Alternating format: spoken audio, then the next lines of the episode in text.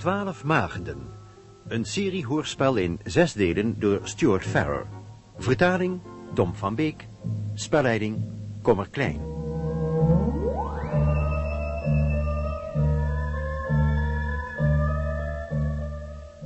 Derde deel.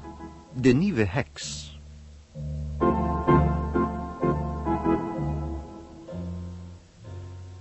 Harry Brent en Margaret Govan zijn bezig met het Biodar-project, een soort radar die reageert op biologisch leven. Alleen de Maagdenheuvel, een 200 meter hoge berg in de buurt van het onderzoekscentrum Bewley Towers, gekroond met een cirkel van twaalf rechtopstaande monolieten, in de wandeling de twaalf maagden genoemd, geeft geen reactie op het Biodar-scherm. Na onderzoek blijkt dat op die plaats zwarte missen worden gehouden. Na overleg met hun collega Dr. Carl Ewing worden Bridget Williams en haar broer Donald te hulp geroepen om de zwarte krachten te bestrijden. Harry, Margaret en Carl nemen deel aan een ritueel ten huize van Williams.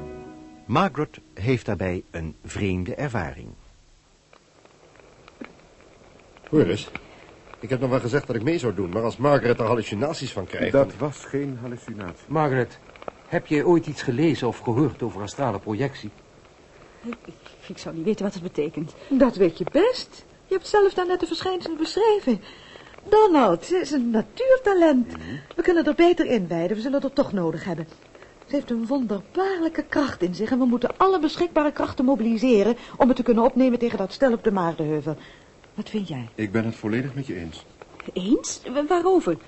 Margaret, je weet dat we zullen moeten vechten. Jullie hebben zelf onze hulp ingeroepen en jullie hebben daarnet met je eigen ogen gezien. De strijd is begonnen.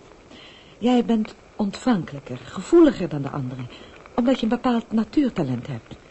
En daarom, ter bescherming van jezelf en om ons te helpen, willen wij je inwijden. We willen je opnemen in onze heksenkring. Nee, oh god, nee, Maggie, dat kan je niet doen. Waarom zou ze dat niet kunnen doen, Harry? Ja, ik wil jullie niet beledigen of zo. Misschien betekent deze nonsens, eh, dit ritueel met kaarsen, wierook, messen, vijfhoeken en de hele troep. Misschien betekent dit iets voor jullie. Misschien voelen jullie je lekker als je naakt op blote voeten rondhopst in een magische kring. Misschien voelen jullie je dan psychisch meer, eh, weet ik veel. Hopsen we werkelijk, Bridget? Ja, spijt me, ik, ik bedoel het niet zo. Het is zelfs al mooi als je erin gelooft. Maar bereik je er ooit iets mee? Ik denk nou eenmaal wetenschappelijk. Ik wil niet zeggen dat ik een eh, volslagen materialist ben. Ik wil best aannemen dat Karl bijvoorbeeld heel wat bereikt heeft... in zijn onderzoek naar eh, paranormale verschijnselen, telekinese enzovoort. Maar ik ben iemand die zo'n onderzoek moet verrichten in het laboratorium... en niet in een magische cirkel. En dat geldt net zo goed voor Margaret. Weet je dat zeker? Ja, daar ben ik zeker van. Ik weet net zo min iets van, van heksenkringen en magisch gedoe af als ik. Dat hebben jullie wel kunnen merken aan de vragen die we allemaal hebben gesteld. Dit, is doodgewoon gevaarlijk voor je geestelijke gezondheid... om je in dingen te storten die zo met je kunnen weglopen... dat je er hallucinaties van krijgt, zoals Margaret daarnet. Tenzij misschien als je precies weet wat je doet. En daar ben ik het volkomen mee eens. Daarom willen we haar wijden als heks. Dan kan ze alles zo snel mogelijk leren. Waarom zou ze? Harry, mag ik misschien ook nog eens wat zeggen? Je hebt hier over me zitten praten alsof ik een onmondig kind ben. Ten slotte hebben ze mij Het gevraagd. spijt me, maar... Ik geloof dat ik wel begrijp wat Bridget bedoelt. Hoe kan jij dat nou begrijpen? Over dat natuurtalent. Ik begrijp ook heel goed wat ze bedoelt, Harry. Margaret heeft nog nooit zo'n magische kring meegemaakt. Ik wel, verschillende keren zelfs. Ik ben zelf al geen heks, maar ik heb toch altijd met sympathie zitten kijken. Daarbij heb ik een nogal behoorlijke theoretische kennis van het onderwerp en dat heeft Margaret niet. En toch kon je zien dat ze tijdens het ritueel instinctief meer begrip had voor wat er allemaal gebeurde dan ik. Goed, goed, ze, ze is gevoelig. Ze heeft een goede intuïtie, dat wist ik allemaal. Maar wat wil je er nou aanpraten? Dat ze zich moet laten wijden als heks? Dat moet ze helemaal zelf weten. Dank je, Carl. Ik ben blij dat tenminste iemand er nog aan denkt. Maar het zou misschien verstandiger zijn als het wel deed. Waarom in godsnaam? Jij hebt een wetenschappelijke opleiding. Jij weet wat resonantie is.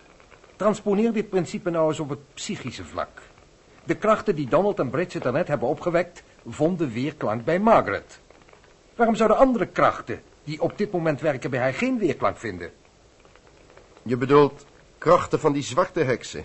die die poppetjes van Tom McKinnon en Phil Jessup hebben begraven op de Maagdenheuvel?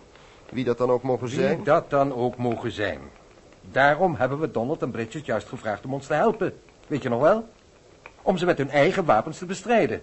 Om de witte magie te stellen tegenover hun zwarte magie.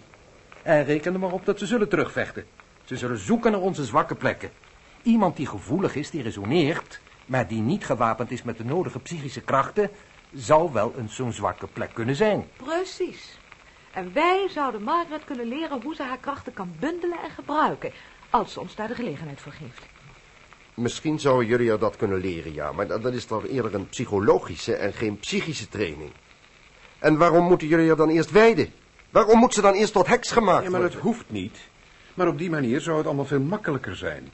En Bridget zei daarnet al, we zullen alle beschikbare krachten hard nodig hebben. En Margaret heeft veel potentiële krachten in zich.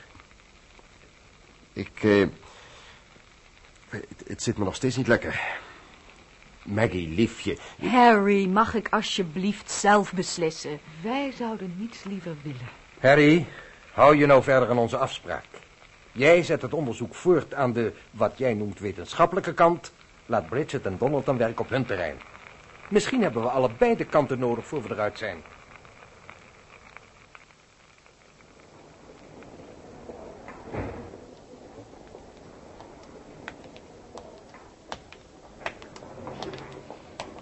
Laten we eerlijk zijn, Harry. Op deze manier komen we nergens. We hebben geen geografische, magnetische of kosmische afwijkingen gevonden... die de blinde vlek op het biodarscherm kunnen verklaren. We krijgen ieder mens en ieder dier groter dan een muis... tot een afstand van 6 kilometer rond Bewley Towers... plus de interferentie van nog kleinere levende wezens. Maar de Maagdenheuvel, dat wil zeggen een bijna volmaakte cirkel... van zo'n 600 meter doorsnee... met als middelpunt de top van de heuvel... blijft volkomen dood. Zelfs geen interferentie. Toen Margaret en jij daar naar boven klommen, verdween jullie signaal van het scherm toen jullie zo'n 300 meter van de top kwamen. En er is geen enkele wetenschappelijke verklaring. Je bedoelt, we hebben tot nu toe geen enkele verklaring gevonden. Ik bedoel, er is geen wetenschappelijke verklaring. Jezus, je bent dan net zo erg als Maggie en Carl. Alleen omdat we daarboven een stel lelijke wassen poppetjes gevonden hebben... denkt iedereen maar dat de maagdeheuvel behekst is. En dat we daarom geen echo krijgen op ons biodar-scherm. Jij bent de sergeant van de technische dienst Landmacht, een hooggekwalificeerd technicus... en je praat als een boer uit een of andere negorij. Ik kom ook uit een negerij, geboren en getogen op een boerderij. Streep heb ik pas later gekregen. Neem me niet kwalijk. Ik wil je niet beledigen. Ik heb je alleen maar als militair gekend. Maar eh, niet om het een of ander. Denk je niet dat we vragen om moeilijkheden als we die hele geschiedenis voor ons houden? Hm? We zouden het toch op zijn minst aan professor Jessup kunnen melden nu die weer beter is. En eh, misschien ook aan die eh, veiligheidsjongens. Susan Platt zou ik het nog maar willen vertellen, maar die baas van haar... Compleet braakmiddel. Ik weet het niet, George. We zullen het Phil Jessup wel moeten rapporteren, maar... Iets zegt me dat we dit niet al te gauw moeten rondbazuinen. het zal mijn intuïtie zijn. ik geloof dat ik al net zo erg begin te worden als Maggie en de anderen. Nou, dat gaat wel over na een paar borreltjes.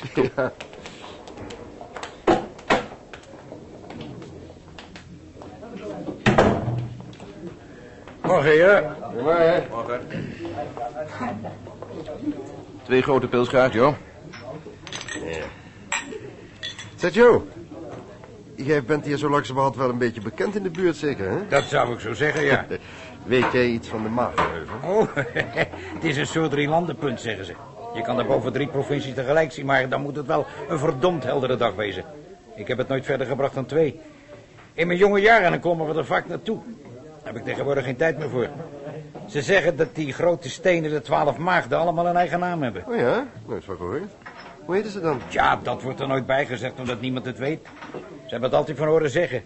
En dan kennelijk van iemand die het ook niet weet. Geruchten zijn er genoeg, maar niemand weet er het ware van.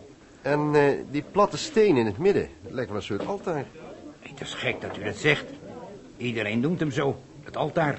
Ah. Nou, eh, proost, George. Proost.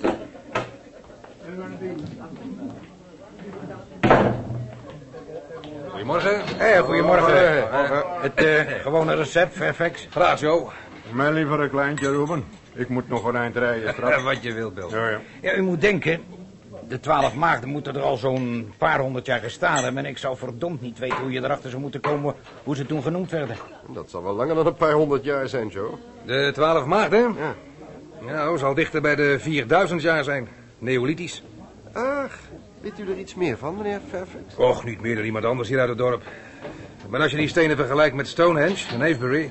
is het niet zo moeilijk om ze te dateren. wat stelt het eigenlijk voor? Ik bedoel, eh, waarom zijn ze in dat tijd zo neergezet? Tja, dat is wat anders natuurlijk. Zal wel een of andere duistere reden gehad hebben, denk ik zo. Dat hoeft niet, Bill. Hoeft niet. Oh, nee. Er zijn geleerden die beweren dat het een soort eh, observatorium geweest is. Wat moet een stel wilde nou in godsnaam met een observatorium? Nou, wie zegt nou dat hier 4000 jaar geleden een stel wilden woonde? Bedoelt u voor het vaststellen van een tijdrekening? Of om de beweging van zon en maan na te gaan? Eh, een paar jaar geleden is er een vent geweest uit Oxford. Die heeft een heleboel metingen en berekeningen uitgevoerd. Ik heb kennis met hem gemaakt omdat hij altijd bezig was in de buurt van mijn boerderij.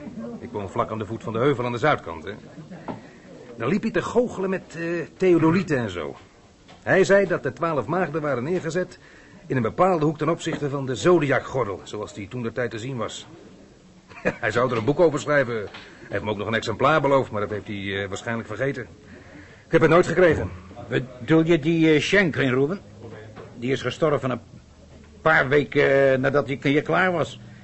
Ja, ik weet het toevallig dat hij hier een boek had laten liggen. Ik heb eens een keer zijn huis opgebeld en toen zeiden ze het. Oh, dat heb ik nooit geweten. Tja, arme jongen. Gekke liefhebberijen kunnen mensen daar toch op nahouden, hè? Ja, Wie gaat er nou een oude steenstaan meten met een of andere malle eh, theodoliet? Je zou zo zeggen dat er wel leukere dingen te bedenken zijn.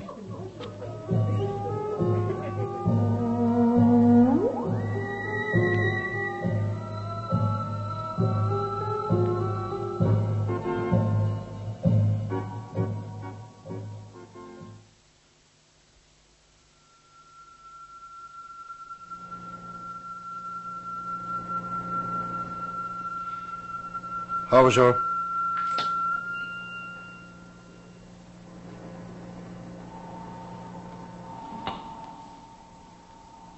Ja.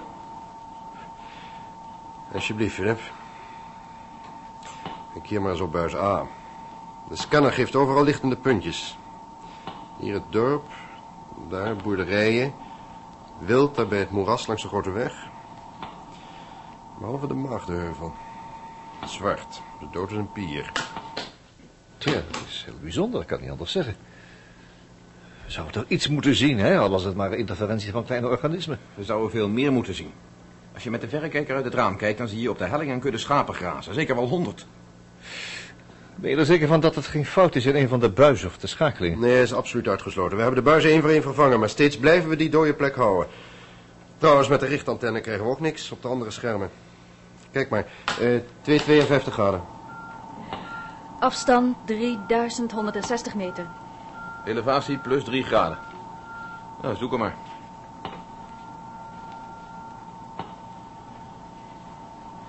Zie je? Dat moet de Maagdenheuvel zijn. Geen schijn van echo op geen van de buizen. Er moet er een verklaring voor zijn, zeg. Heb je ter plaatse onderzoek ingesteld? Ja, alleen positief wat betreft het magnetisch veld. De naald van het kompas dwaalt een beetje. Er zit misschien ijzer in de rots, maar dat is nooit genoeg om dat te veroorzaken. Verder geen straling. Geigerteller slaat niet uit. Ik heb gecheckt op de voorkomende fauna. Zelfde populatie als op de kleine heuvel op 219 graden. U ziet, echo genoeg. Ja, ja. Nee, ik weet niet, ik weet niet. We zullen eens moeten kijken hoe de magnetische velden daar precies lopen om mee te beginnen. Eh, de radio, hoe staan we? De radioverbinding is perfect. Dat hebben we al uitgeprobeerd met de walkie-talkie. Ja, nou, probeer alles wat je kunt bedenken. Ik zal me er ook eens mee bezighouden. Misschien gaat een van ons er wel een licht op. Ik moet er nou vandoor. Hoe voel je je nu, Phil? Oh, prima. Dank je, Margaret. Prima. Ik heb nergens meer last van. Nog een onopgelost raadsel. Onopgelost? Ha, dat denk ik niet. Hoe bedoel je dat, Margaret? Oh, dat hebben we je nog niet verteld. Wij hebben die twee wassen poppetjes aan die witte heksenvriendjes van Carl laten zien. Bridget, de zuster van Donald, heeft het ijzerdraad losgemaakt dat om het hoofd zat van het poppetje dat op de prof lijkt. Nou, toen we thuis kwamen liep hij zo fit rond als een hoentje. En kwam de kantine binnen voor een borrel. Nou is Maggie ervan overtuigd dat het wegnemen van het ijzerdraadje hem beter gemaakt heeft. Daar hadden wij net zo goed aan kunnen denken. Ja, dat zei Bridget ook al. Eerste hulp. Begin jij nou ook niet, George. Toeval. Niks meer en niks minder. Misschien. Maar het had toch in ieder geval geen kwaad gekund als we het draad hadden losgemaakt, nietwaar? Nou, eh, wij hebben er niet aan gedacht. Vooruit jongens, er is werk genoeg aan de winkel. Laten we met de richtantenne dat dassel eens proberen. Kijken of we dan tenminste een signaal van onder de grond kunnen krijgen. Waar zat het ook weer? Eh, wacht even. Mm, Ja, Op 173 graden 4202 meter. Elevatie minus 0,27. 173 graden.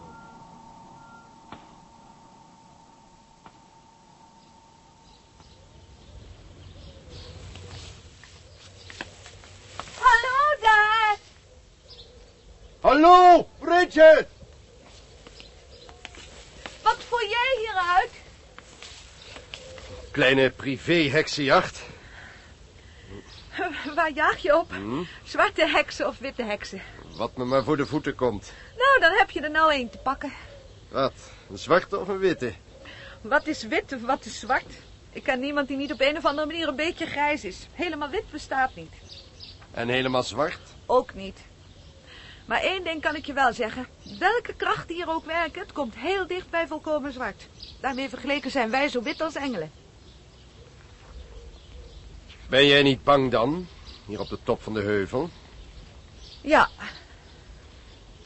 Waarom kom je hier dan toch? als je de dingen niet onder ogen wilt zien, dan kun je nooit een heks worden. Dan laat je het walletje maar bij het schuurtje, dan maak je geen slapende honden wakker. Jij vraagt Margaret om ze wakker te maken. Ze hebben er al lang geroken, nog voor we hier naartoe zijn gekomen. We willen er alleen maar helpen zich te wapenen tegen het kwaad. Al die verdomde metaforen. Je houdt van haar, hè? Huh? Ja, ik mag er graag, ja. We werken samen, we wonen in hetzelfde gebouw, we spreken dezelfde taal. Ze is knap. We voelen veel voor elkaar, dat is alles, maar eh, gebonden zijn we niet aan elkaar. Zo. Waarom wil je er dan niet toestaan heks te worden? Maggie moet doen wat ze zelf wil. Ze is tenslotte volwassen. Ze doet ook wat ze zelf wil. Donald zal er vanavond inwijden. Daar heeft ze me niets van gezegd. Misschien heb je daar de kans niet voor gegeven. Waarom Donald? Kan je dat zelf niet? Nee. Een man wordt ingewijd door een vrouw en een vrouw door een man. Als jij heks wilt worden, zal ik je inwijden. Moet ik dat beschouwen als een uitnodiging? Het is ons gewoonte niet proselieten te maken. Dat doen jullie wel, ik heb er zelf bij gezeten. Hm, Margaret is een speciaal geval in speciale omstandigheden. Zouden jullie mij willen wijden als ik erom zou vragen? Op het ogenblik niet, nee. Omdat je het alleen maar zou vragen met de bedoeling Margaret in het oog te kunnen houden. Misschien. Daar is overigens niks op tegen. Wil je er vanavond bij zijn? Ben jij er ook?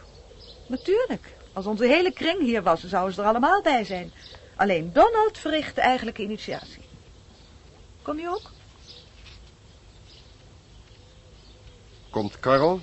Ja, Dan kan hij een oogje in het zeil houden. Ik geloof niet dat ik erbij wil zijn. Wat is er voor leuks aan? Niks. Ik lach om jou. Jij moet nog een heleboel leren over jezelf, weet je dat?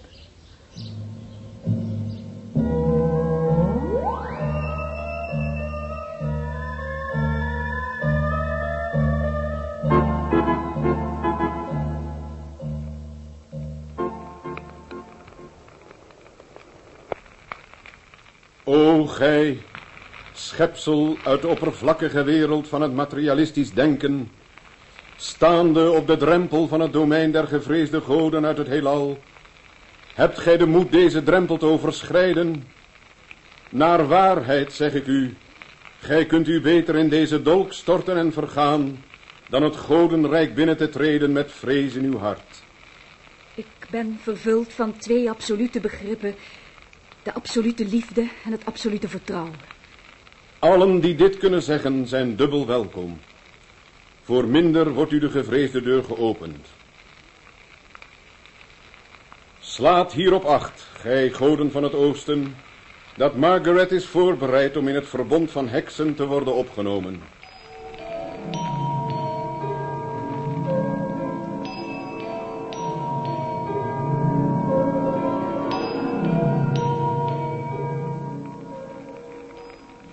In eerbied zullen wij u de maat nemen van de kruin tot de voeten.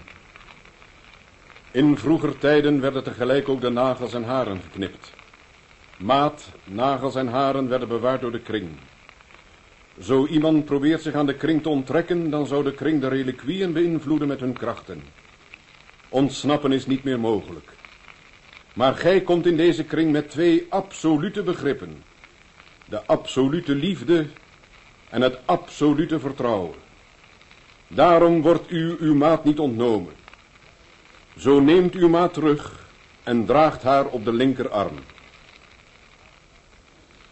Wenst gij u te onderwerpen aan het oordeel en wilt gij gezuiverd en gereinigd worden voordat gij de eed aflegt? Ja, Vrij en toch niet ongebonden? Voorbereid om te worden opgenomen in de kring waarin ik nu sta? voorbereid om te worden opgenomen in de kring waarin ik nu sta. Dit alles zweer ik bij mijn hoop op een toekomstig leven. Dit alles zweer ik bij mijn hoop op een toekomstig leven. Ik weet dat mijn maat is genomen. Ik weet dat mijn maat is genomen. Mogen mijn wapenen zich tegen mij keren als ik deze zware eed zou verbreken. Mogen mijn wapenen zich tegen mij keren als ik deze zware eed zou verbreken. Neemt haar de blinddoek af. Ik heilig u met olie. Ik heilig u met wijn.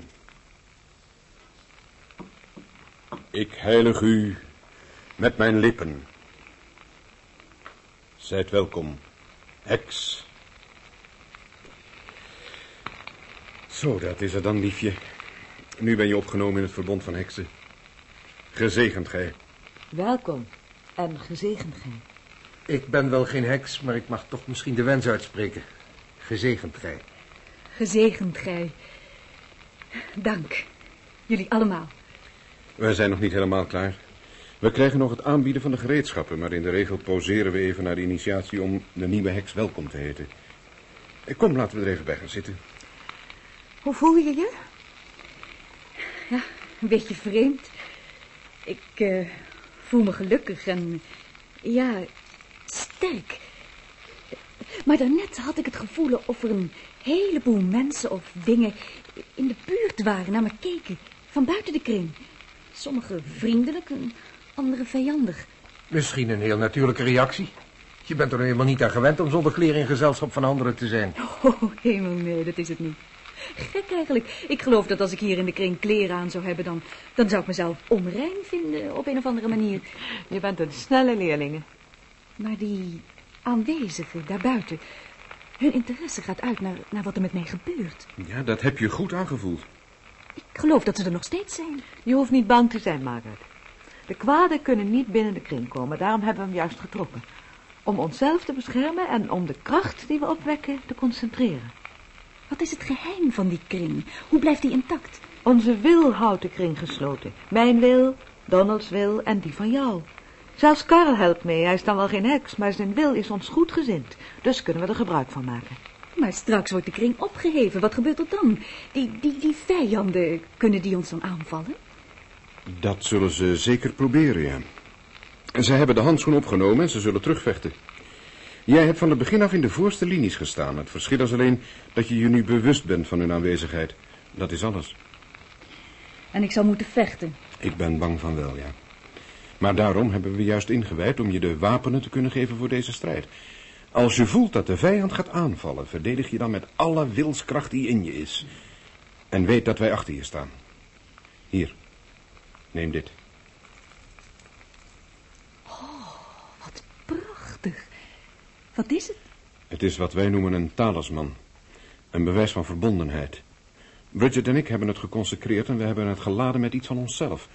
Draag het om je hals. Als je steun nodig hebt, neem je het stevig in je rechterhand, dan zal onze wil bij de jouwe komen. Weet dan dat wij bij jou zijn. Merken jullie dat dan als ik het vasthoud? Misschien, misschien niet. Als wij op dat ogenblik rustig zijn van binnen, als we niet net een groot aantal indrukken te verwerken hebben, dan zullen we ons bewust van zijn. Maar dat geeft niet.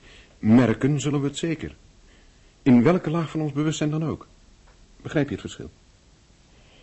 Het eh, ligt eraan hoe je bewustzijn op dat bepaalde ogenblik gericht is, denk ik. Precies, ja, je begrijpt het, ja. En hoe dan ook, je zult je hulp krijgen als je hem nodig hebt. Dit is een ank, het geknoopte levenskruis uit Egypte. Uit ijzer gesmeed, het metaal van Mars. Dat lijkt me wel passend voor deze gelegenheid. Maar laten we eerst doorgaan met ons werk.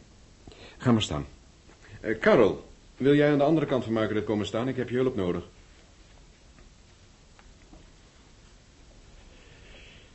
Ik zal u nu bekendmaken met het gereedschap van de heks. Eerst het magische zwaard. Hiermee kunt ge, als met de atame, een magische kring beschrijven. Hiermee kunt gij alle demonen en weerspannige geesten onderwerpen en straffen. Hiermee kunt gij...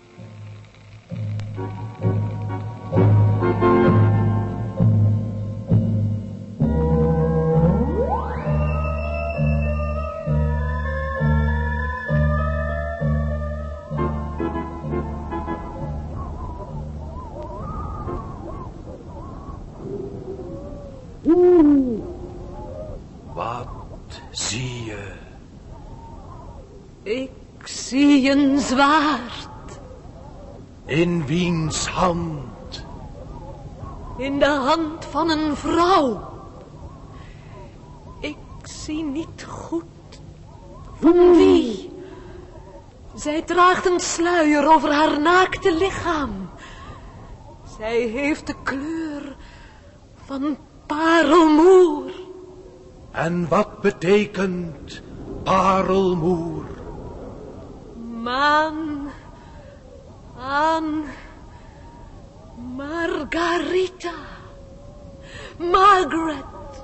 Margaret heeft het zwaard in haar handen. Margaret heeft het zwaard in haar handen. Jij hebt ook een zwaard.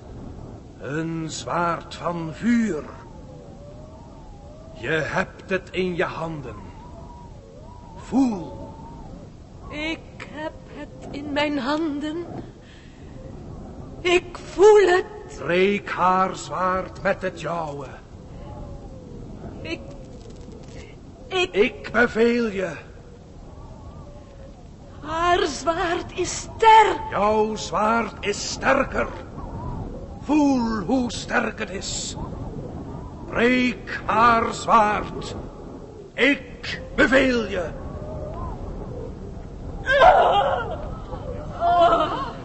Achteruit jullie. Laat haar liggen. Raak haar niet aan. Neem elkaar bij de hand. En draai de kring rond. Linksom.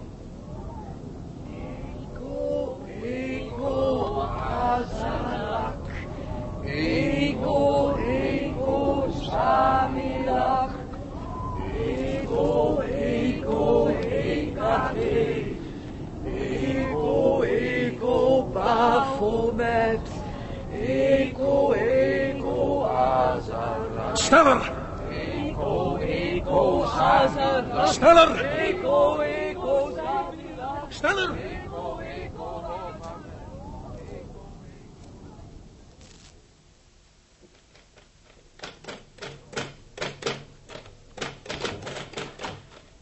Goedemorgen, juffrouw Plet. Mag ik binnenkomen? Natuurlijk. Gaat u zitten. Hé, voel je wel goed? Een beetje hoofdpijn. Slecht geslapen, dat zal het wel zijn.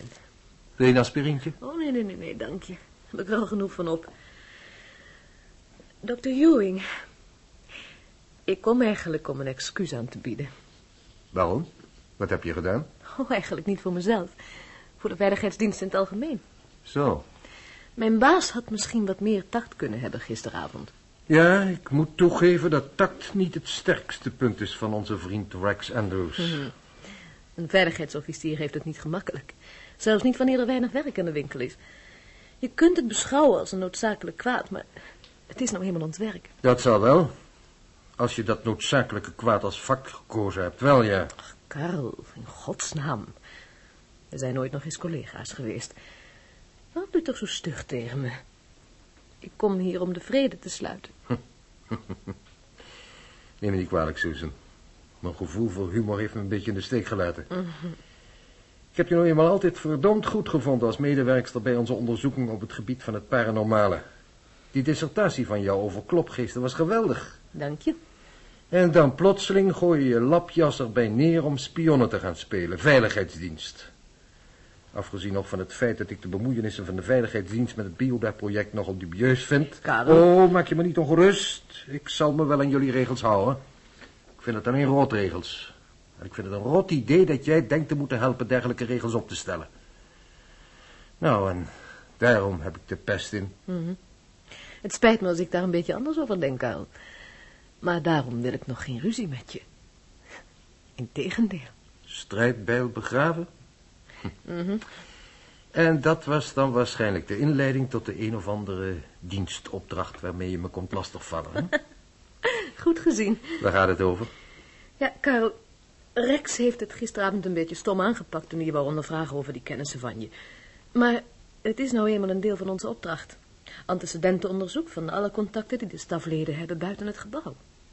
Op het ministerie is Bio daar een ernstige zaak aan. Hier ook. Maar als het je gerust kan stellen, ik heb tegen Andrews niets anders gezegd dan de volle waarheid. Al heb ik die misschien verpakt in een beetje sarcasme. Donald en Bridget Williams zijn geen communisten, geen anarchisten of pacifisten of iets anders dat ons Bioda-project in gevaar zou kunnen brengen. Mhm.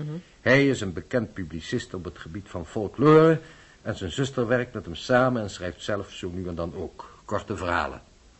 Maar dat zal je allemaal wel net zo goed weten als ik. Uh-huh. Ik ken ze allebei al heel lang, hoewel we niet erg regelmatig contact met elkaar hebben. Ik had ze maanden al niet gezien en omdat ik behoefte had aan een beetje gezelschap, ook buiten de muren van Bioli Towers, heb ik ze uitgenodigd om hier te komen logeren. Knoop dat goed in je oor. Ik heb ze uitgenodigd. Mhm. En waarom heb ik juist hen uitgenodigd? Omdat ze geen van beiden een vaste baan hebben, omdat ze kunnen werken waar ze willen. Het zijn dus mijn gasten en ik betaal de huur van hun boerderijtje. Maar dat zal je ook al wel weten. Inderdaad. Je zal wat hem betreft al volkomen gelijk hebben, Karel, maar wij moeten de voorschriften volgen. Ik hoop dat je dat kunt begrijpen en dat je niet weer onmiddellijk beledigd bent als je merkt dat wij aan het rondsnuffelen zijn. Dat hoop ik ook. Het enige wat ik niet begrijp is hoe zo'n smaakvol typetje als jij je op zo'n smakeloze manier met andermans zaken kunt bezighouden. Oh, Karel. Als je wilt kun je dit als een compliment beschouwen. En smeer hem nou maar en ga wat aan je hoofdpijn doen. Dan kan ik tenminste doorgaan met mijn werk. Jij bent eigenlijk niet half zo zaggerijnig als je eruit ziet. Zie je straks nog wel in de kantine.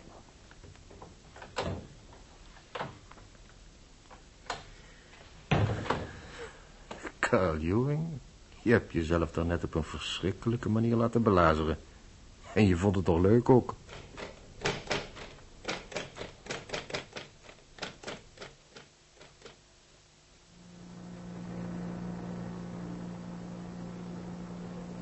Waar ik alsmaar over zit te denken... wie zou daar iets bij kunnen winnen? Waarbij winnen? Och, eh, neem me niet kwalijk, ik eh, zit even hard op te denken. Bij die, eh, hoe moet ik het zeggen, bij die, die verduistering van de Maagdenheuvel. Ja, ik weet dat Harry het allemaal maar nonsens vindt, maar ik ben er verdomd zeker van dat er een of ander verband bestaat tussen die donkere plek op het biodaarscherm en die zwarte magiegeschiedenis daarboven waar jullie die poppetjes gevonden Ik heb nooit gezegd dat het nonsens is. Misschien hebben de mensen die dat poppetje daar hebben begraven ook iets te maken met onze eh, verduistering, zoals jij dat noemt. Ik heb alleen maar gezegd dat er een natuurlijke en geen bovennatuurlijke oorzaak moet zijn. Maar God mag weten hoe ze het gedaan hebben. Eh, ga eens door, eh, George. Kijk, we weten nu dat iemand vijandig staat tegenover het Biodaar-project. Dat mogen we afleiden uit die poppetjes. Je mag het dan duizend keer toeval noemen, maar gewerkt heeft het in ieder geval wel. Tom McKinnon is dood en professor Jessup is ziek geweest tot we het ijzerdraad hebben losgemaakt. Waarom zou iemand vijandig staan tegenover Biodaar? En dan nog aangenomen dat ze weten waar het project om gaat. Waarom zouden ze proberen ons in de wielen te rijden? Misschien weten ze, of vermoeden ze, dat Biodar hun duistere praktijken zou kunnen onthullen op de een of andere manier. Precies. Die mensen worden bang. Ze proberen zichzelf te beschermen. Ze bouwen een soort scherm op met magische kracht of hoe dan ook. En ze hopen dat ze nu aan het oog zijn ontrokken. En ik denk niet dat ze weten dat ze daardoor juist de aandacht op zichzelf gevestigd hebben. George, ik heb je altijd al geniaal gevonden. Je zou wel eens volkomen gelijk kunnen hebben. En je zei dat je kon voelen dat het stel weet dat jullie achteraan zitten, dacht ik. Oh ja, ze weten het, dat is zo zeker als wat. Maar ze weten niet wat ze op het scherm van dit apparaat hebben veroorzaakt. Je wilt nou toch niet in ernst beweren dat je met Biodaar toverkunsten zichtbaar kan maken? hè? Nou, dat zouden we moeten onderzoeken, nietwaar? Harry, eh, staat de wagen buiten? Mag ik de sleutels even? Ja, natuurlijk. maar- Jullie blijven hier. Je stelt de richtantenne in op de boerderij van Donald en Bridget. Ik zal jullie bellen als we klaar zijn. Dan zeg ik alleen maar eh, over eh, vijf minuten of iets dergelijks.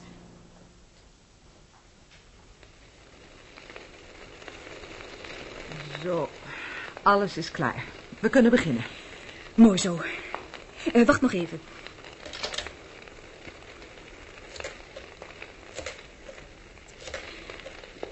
Mag ik toestel 7? Harry, over twee minuten. Misschien iets langer. Dag.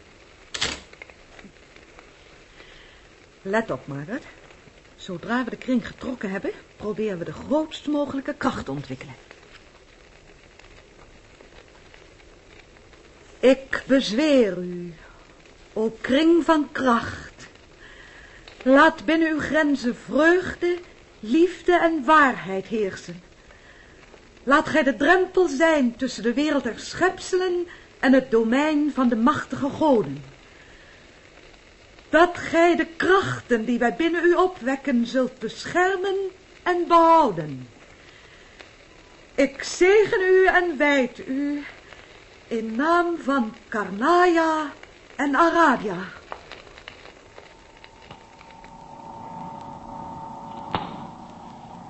Prachtig signaal. Drie mensen in één kamer. Lekkere heldere echo. Ik kan ze hier niet helemaal goed uit elkaar houden. Maar ik zie door het verloop van de golven hoe ze rondlopen.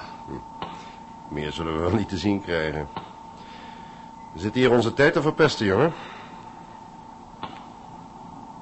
Wacht eens. Noem jij dat maar tijd verpesten?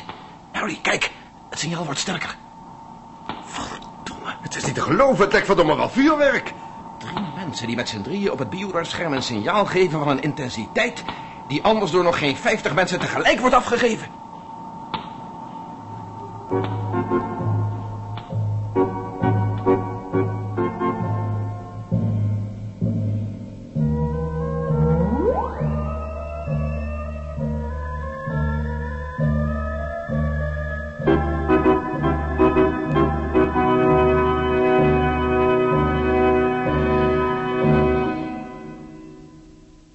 U hebt geluisterd naar De Nieuwe Heks, het derde deel van een hoorspel in zes delen, De Twaalf Maagden, door Stuart Farrer in de vertaling van Tom van Beek. De rolverdeling was als volgt. Harry Brandt, Tom van Beek. Margaret Goffin, Els Buitendijk. Sergeant George Blake, Paul van der Lek. Professor Philip Jessup, Jan Borkus. Dr. Carl Ewing, Frans Somers. Donald Williams, Bob Verstraeten. Bridget Williams, Willy Bril. Susan Platt, Corrie van der Linden. Rex Andrews, Hans Karstenberg. Ruben Fairfax, Hans Vierman. Joe Gurney, Bert van der Linden. En Bill, Johan te Sla. De spelleiding had Kommer Klein.